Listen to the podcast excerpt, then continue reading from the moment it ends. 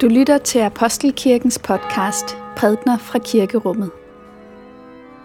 Find mere information på apostelkirken.dk.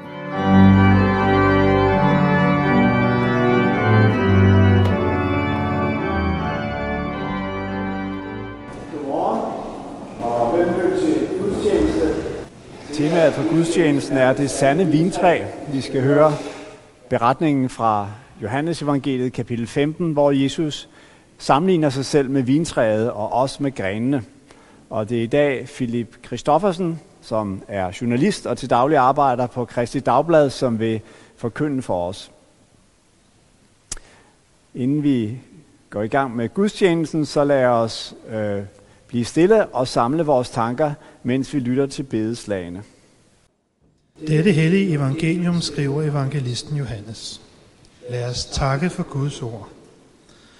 For Guds ord i skriften, for Guds ord i blandt os, for Guds ord inden i os, takker vi dig Gud. Jesus sagde, Jeg er det sande vintræ, og min far er vingårdsmanden. Hver gren på mig, som ikke bærer frugt, den fjerner han, og hver gren, som bærer frugt, den renser han, for den skal bære mere frugt. I er allerede rene på grund af det ord, jeg har talt til jer. Bliv i mig, og jeg bliver i jer. Ligesom en gren ikke kan bære frugt af sig selv, men kun når den bliver på vintræet, sådan kan I heller ikke, hvis I ikke bliver i mig. Jeg er vintræet, I er grenene. Den, der bliver i mig, og jeg i ham, han bærer mig en frugt. For skilt fra mig kan I slet intet gøre. Den, der ikke bliver i mig, kastes væk som en gren og visner. Man samler dem sammen og kaster dem i ilden, og de bliver brændt. Hvis I bliver i mig, og mine ord bliver i jer, så bed om, hvad I vil, og I skal få det. Derved herliggøres min fader, at I bærer mig en frugt og bliver mine disciple. Som faderen har elsket mig, har jeg også elsket jer. Bliv i min kærlighed. Hvis I holder mine bud, vil I blive i min kærlighed, ligesom jeg har holdt min faders bud og bliver i hans kærlighed. Sådan har jeg talt til jer, for at min glæde kan være i jer, og jeres glæde blive fuldkommen. Amen. Tak fordi jeg må øh, komme og prædike for jer i dag. Det er en stor fornøjelse og et øh, ret stort privilegium, synes jeg også. Øhm, jeg vil starte med at bede en bøn.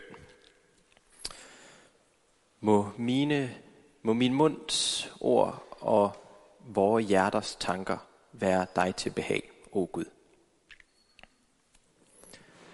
For tiden er der øh, bispevalg i Helsingør Stift, som øh, er vores øh, nabo mod nord her i København. Og øh, som journalist fik jeg for nogle måneder siden den opgave, at øh, jeg skulle interviewe de fire kandidater, som har stillet op. Øhm, og så nogle bispekandidatsinterview, det er sådan noget, der foregår meget, meget, meget ordentligt. Det er sådan noget, hvor man sender alle spørgsmålene øh, på forhånd, og man sørger for, at alle har fået lige meget forberedelsestid, og at der er øh, efterfølgende er lige mange linjer i, i hvert af de interviews, man skriver. Alle skal ligesom, øh, alt skal fordeles lige. Øhm, men det skal jo alligevel ikke være helt nemt, når man bliver udsat for pressen. Så øhm, øh, i nogle af de her interviews, der øh, sluttede jeg øh, min spørgeplan af med et, øh, et spørgsmål, som øh, var off-script, som man siger. Og jeg stillede øh, de her kandidater et spørgsmål, som lød sådan her. Hvor vigtigt er det for dig, at du som biskop har et pletfrit moralsk CV? Altså, hvor vigtigt er det for dig, at din sti er ren, når du skal stå i spidsen for 300 præster? Hvor mange skeletter kan du holde til, at der kommer ud af skabet? Og de har alle sammen reageret lidt på samme måde øh, på det her spørgsmål. Ved først sådan lige at løfte skuldrene lidt, og så spærre øjnene op. Og så sådan, man kan se, det lyser ud af øjnene på dem. Øh, hvad ved han? øhm, og sandheden er, må jeg jo så forklare dem efterfølgende, at jeg jo egentlig ikke ved noget som helst, for jeg har jo knap nok mødt dem før, og at jeg lige har googlet lidt om dem, øh, men ellers ikke gravet det helt store øh, de helt store møgsager frem. Og man kan se, at øh, når, når de hører det, så slapper de lidt mere af. Øh, men alligevel, så kan man jo godt forstå, øh, hvorfor at man ville reagere sådan, hvis man fik det her spørgsmål. Hvor mange skeletter har du i skabet? Øh, jeg tror, jeg vil gøre det samme, uden egentlig lige at kunne komme i tanke om, hvad der var at grave sig ned i. Så hvis nogen begynder at spørge ind til min moral, så vil jeg nok måske ret hurtigt komme i tanke om den gang, jeg sagde det og det, og hvad hvis nogen har tolket den og den bemærkning øh, sådan og sådan. Og måske vil jeg nok sidde med sådan en følelse af, at nu klapper fælden. Nu får de skovlen under mig. Nu opdager de, hvor ridset lakken er, og hvor rådne mine frugter egentlig er. Og det er virkelig ikke så mærkeligt, at panik er vores automatreaktion. For vi lever i en tid, hvor vi er besatte af pletfrihed. Især i de senere år har der været rigtig mange eksempler på, at kulturpersonligheder, politikere, intellektuelle, forfattere bliver called out, som det hedder. Altså kaldt ud af offentligheden. Det sker meget ofte på sociale medier, hvor der gørs opmærksom på, at den og den person har sagt sådan og sådan, eller gjort dit og dat. Og konklusionen, øh, den er meget ofte, at vedkommende altså ikke kan være en autoritet inden for det og det felt, når nu vedkommende har afsløret sit sande jeg. Og man behøver faktisk ikke engang at være i live, for at man bliver kaldt ud. Det skete for to år siden øh, med fysikeren Albert Einstein, som ellers har været død i mange år. Og jeg ved ikke, om øh, nogen af jer har hørt den historie, men øh, den store avis The Guardian øh, bragte en historie om, at nogle forskere havde fundet nogle rejsedagbøger øh, fra Albert Einstein, hvor det blev offentliggjort, at øh, Einstein helt privat ikke havde særligt høje tanker om kineserne, som han havde mødt på nogle af sine rejser rundt omkring i verden. Jeg tror han faktisk, han havde haft en, øh, en rejse til Kina, hvor han havde gjort nogle observationer og skrevet ned i sin dagbog. Og han ble, beskrev blandt andet, hvordan øh, de her kinesere, han havde mødt, øh, de sad på huk, når de spiste, øh, ligesom en europæer ville sidde, hvis han øh, relieved himself, står der i den her tekst, ude i skoven. Altså hvis han gik ud i skoven. Og det var han øh, meget forarvet over, at den her praksis, som han forbandt med noget, når man sidder og spiser, eller når man sidder og laver alt muligt andet, at det var, ja, og The Guardian, de bragte nyheden om øh, de her øh, øh, skriverier i Einsteins dagbog med den her rubrik. Einsteins travel diaries reveal shocking xenophobia. Altså Albert Einstein, som selv havde engageret sig i samfundsforhold og kritiseret racisme, var selv racist. Og politikken, de skrev det sådan her. Hvem havde troet det? Albert Einstein, Manden, der over hele verden er kendt som geniet over alle genier og skaber og relativitetsteorien. Den tyske fysiske teoretiker, der engagerede sig i politiske og sociale forhold, som prædikede fred og fordragelighed. Den mand gik i virkeligheden og gemte på racistiske og groft generaliserende holdninger. Det er helt tydeligt, at der i de her artikler er en underliggende eller rimelig overliggende pointe om, at fordi Einstein var en person, der havde gjort sig bemærket på sine holdninger som øh, imod antisemitisme og racisme, så forventede vi af ham, at han selv kunne leve op til sine egne standarder. Men han sagde, at han var en, men i virkeligheden var han en anden. Og hvis man zoomer lidt ud, så står det her eksempel med Albert Einstein ikke alene. Øh, jeg vil mene, at man godt kan sige, at det er en del af den bevægelse, som øh, den senere tid er blevet kendt som cancel-kulturen. Cancel-kulturen. Altså på dansk aflysningskultur. Og hvad er cancel-kultur? Jo, jeg ved faktisk ikke, hvem der har fundet på begrebet. Om det er kritikerne af tendensen, eller om det er dem, der bakker op om den. Men jeg fandt en rimelig neutral definition, som kalder det en slags gruppeshaming, hvor personer i alle mulige sammenhænge bliver boykottet, fordi der er dukket noget op i deres fortid, som belaster dem. Det noget kan være holdninger, udsagn eller handlinger, som diskvalificerer en person til at indtage den plads i samfundet, som de ellers på den ene eller den anden måde havde gjort sig fortjent til. Og disse handlinger eller meninger skal så vejes på offentlighedens moralske vægt, hvor dommen fælles. Og det er som om, at det er en vægt, hvor alle dine positive træk bliver lagt i en skål og vejet op mod det dårlige i den anden. Det er de gode frugter herover og de dårlige her. Og så er det som om, at vægten til tider er lidt skævt indstillet. Som om de mugne frugter herover ofte bliver meget, meget tunge. Og måske man kan sige, at et træk ved cancelkulturen er, at den tager ikke højde for meget andet end ufejlbarlighed. Sat på spidsen er den udtryk for en kultur, hvor nåden ikke har et ord at skulle have indført. For når vi dømmer hinanden alene på baggrund af, hvad vi har sagt eller gjort, bliver det med et godt dansk ord nådesløst. Nåden, tilgivelsen, eftergivelsen, kærligheden for rigtig svære kår, når den eneste målestok et menneskes værdighed og retfærdighed kan måles på, er den personlige morals. Vi er prisgivet, helt alene ansvarlige for vores egen skyldfrihed og ufejlbarlighed. Det er virkelig ensomt. På den anden side, så forstår man det jo egentlig lidt godt, for øh, den personlige moralisme har måske en grund til at skulle have så meget øh, at have sagt, som den har. For måske er den bare et produkt af vores allesammens menneskelige natur. Vores medfødte retfærdighedssans, som så igen er blevet mere tydelig i kraft af sociale medier. For hvordan sikrer vi retfærdighed, hvis ikke vi har den personlige moralske målestok at dømme på? Jo, så har vi et andet værktøj, og det hedder loven. Her er alle uskyldige, indtil det modsatte er bevist. Og du er dømt, og er du dømt, øh, går du fri, er du fri, og dømmes du, så er du fri, når du engang har udstået din straf og betalt din bøde. Men hvad sker der, når loven ikke tilfredsstiller vores natur og vores selvindstillede retfærdighedskompas? I den her uge øh, bragte Kristi Dagblad en kommentar fra en kvinde, der lød sådan her. I 2001 blev vi påkørt af en hensynsløst bilist, og min mand døde. Bilisten blev dømt for uagtsomt manddrab. Hans straf var 10 dagbøder af 200 kroner og betinget frakendelse af kørekort i tre år. Det følte vi efterladte nærmest som en hån.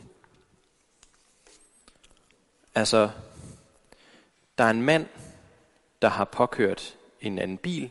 Det har kostet en mand livet, og nu øh, skal han betale en bøde på 2.000 kroner i alt. Og hvad den her kvinde beskriver, er jo faktisk det, der sker, øh, når vægten tipper den modsatte vej. Eller i hvert fald, når man oplever, at vægten tipper den modsatte vej. Når vi som udefrakommende er vidne til, at et andet menneskes rådne frugter slet ikke vejer så meget, som vi mener, de gør. Loven den er blind, som man siger, og loven er i kraft af den blindhed lige så nådesløs som kollektivets moralisme. Hvor går en kvinde som hende her hen, hvis hun vil have retfærdighed? Altså, hvor finder vi svaret, der kan dulme vores retsfølelse, som samtidig ikke er den verden, hvor vi selv står for at dømme hinanden? Jeg tror måske, den findes i søndagens tekst. Så vi prøver lige at skrue tiden 2000 år tilbage til en tid, lang tid før sociale medier. Øh, til en gang, hvor øh, Jesus Kristus, som øh, man måske kunne påstå, blev et øh, rimeligt hæftigt offer for cancelkulturen, øh, han øh, gik på jorden. Og Johannes han beskriver, hvordan Jesus er ude at gå med sine disciple, da han begynder at fortælle en historie om en vingård. Øh, han har muligvis været inspireret af, at de har gået forbi en vingård, som der har været masser af på det her tidspunkt, og som har været et ganske almindeligt billede i øh, både sådan, øh, øh, at det har været helt konkret, at alle i, i Palæstina, de kendte til, at der, hvordan man lavede vin. Øh, så det har været et billede fra hverdagen, men det har også været et billede, som de har kendt fra, øh, fra teksterne, fra Toraen. Og Jesus han begynder at tale jeg er det sande vintræ, og min far er vingårdsmanden. Og allerede her er der måske nogle af hans tilhængere, der stusser. Især dem, der har fulgt godt med i søndagsskolen. For de har måske regnet ud, hvor Jesus han er på vej hen med sin fortælling. For det er ikke første gang, at Gud sammenlignes med en vingårdsejer. I det gamle testamente fortæller profeten Esajas nemlig en historie om en vingårdsejer, som planter sin vingård på en frugtbar skråning – Vingårdsmanden gør alt, hvad han kan for at få den bedste frugt ud af sine træer, Han har ryddet skråningen for sten, sat et vagtårn op for at holde uindbudte gæster væk. Alle forudsætninger er med andre ord på plads, for at en god høst kan finde sted. Vingårdsejeren har tilrettelagt alt. Men da han skal til at høste, er der ingen vindruer. Kun vilddruer, står der. Og det må man jo så forstå er dårlig frugt. Når du forventer vindruer, så er det ikke godt at få vilddruer. Dårlig frugt. Og derfor spørger vingårdsmanden her i Isaiah sig selv, hvad han skal gøre. Skal han lade den her fiasko af en vingård stå, eller skal han jævne den med jorden? I Esajas står vingården som sådan et meget eksplicit eksempel øh, på Gud og israelitterne, som igen og igen og igen bliver velsignet med de gode forudsætninger for at blomstre som et folk, men som igen og igen og igen smider det hele på jorden, fordi de er mennesker. Og der står sådan her i slutningen af teksten i Esajas. For herskars herre, altså Guds, vingård er Israels hus, og Judas mænd er hans yndlingsplante. Han ventede ret, men der kom retsløshed. Gud forventer altså her i Esajas, at når han planter en vingård, så giver den god frugt. At den verden, han, øh, han har skabt, bliver retfærdigt, fordi han har skabt den.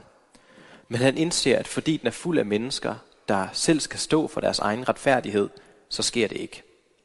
Vi mennesker, ser Gud, formår simpelthen ikke at dømme hinanden retfærdigt. Og den her historie har disciplene måske kendt til. Og for dem er det en historie om, at Gud er barmhjertig. Han ser ud over sit folks gentagende fejltrin. Han ser bort fra, at de ikke opfører sig retfærdigt over for hinanden, og han holder altid i sidste hende hånden over dem, selvom de klokker i det. Men da Jesus fortæller sin historie om vingården, er der noget, der har forandret sig. Og hvad er det? Jo, på mange måder er historien lidt den samme. Der er en vingårdsejer, som er et billede på Gud. Og vingården, den er der også. Men i den her vingård, som Jesus beskriver, er der et nyt træ. Jesus selv er pludselig et træ i vingården. Jesus siger, jeg er vintræet, I er grenene. Så det er som om, at Gud han har lært noget, siden han plantede sin vingård i Esajas. Den eneste måde, Gud kunne få sine frugter, som han gerne vil have dem, det er, hvis han selv står der som et træ, der skal levere frugterne. Vi mennesker er altså ikke længere overladt til os selv, vores egen natur og vores egen retfærdighed eller moralisme. For Jesus fortsætter sin historie sådan her. Ligesom en gren ikke kan bære frugt af sig selv, men kun når den bliver på vintræet, sådan kan I det heller ikke, hvis ikke I bliver i mig. I er allerede rene på grund af det ord, jeg har talt til jer. Bliv i mig, og jeg bliver i jer. Det er altså nåden, at en gren ikke kan bære frugt af sig selv.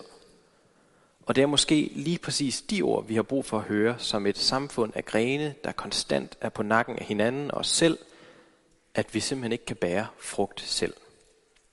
Det er befrielse. At den gode frugt, den der kommer fra det sande vintræ, den finder vi kun i Kristus. Her er vi faktisk ikke ansvarlige for andet end at blive hængende, men hvis vi gør, så opstår der ligevægt og retfærdighed. Så får vi den gode frugt. Men vi får valget. Vi kan leve som en gren uden for ham, eller vi kan blive hængende som en gren på ham. Jeg har ligesom forsøgt at rise to spor op. Øh, et spor for samfundet, eller for livet, eller hvad man vil kalde det. Et, hvor nåden ikke har noget skulle have sagt, hvor vi som de eneste er ansvarlige for vores egen retfærdighed, hvor den personlige moralisme regerer. Det, som vi faktisk ser i meget øh, bredt omfang ske mange steder. Og så et, et spor, hvor nåden betyder alt. Hvor vi får lov til at trække på Jesus meritter frem for vores egen. Hvor vi ikke er alene. Det er den verden, hvor vægten står i balance.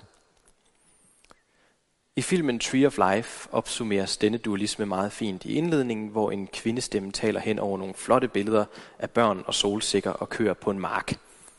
Her siger kvinden sådan her. Der er to veje gennem livet.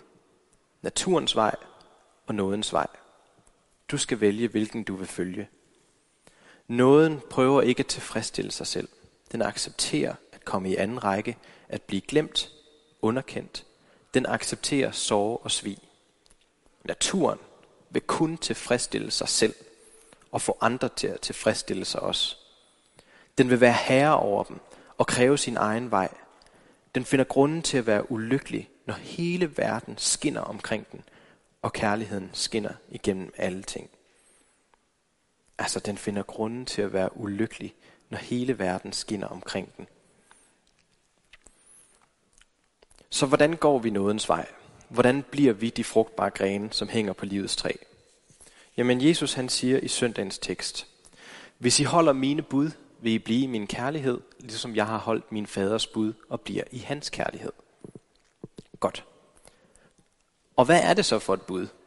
Det skal vi faktisk ikke længere end et vers længere hen, øh, end det vi har læst i dag. Og der står, Dette er mit bud, at I skal elske hinanden, ligesom jeg har elsket jer. Større kærlighed har ingen end den at sætte sit liv til for sine venner.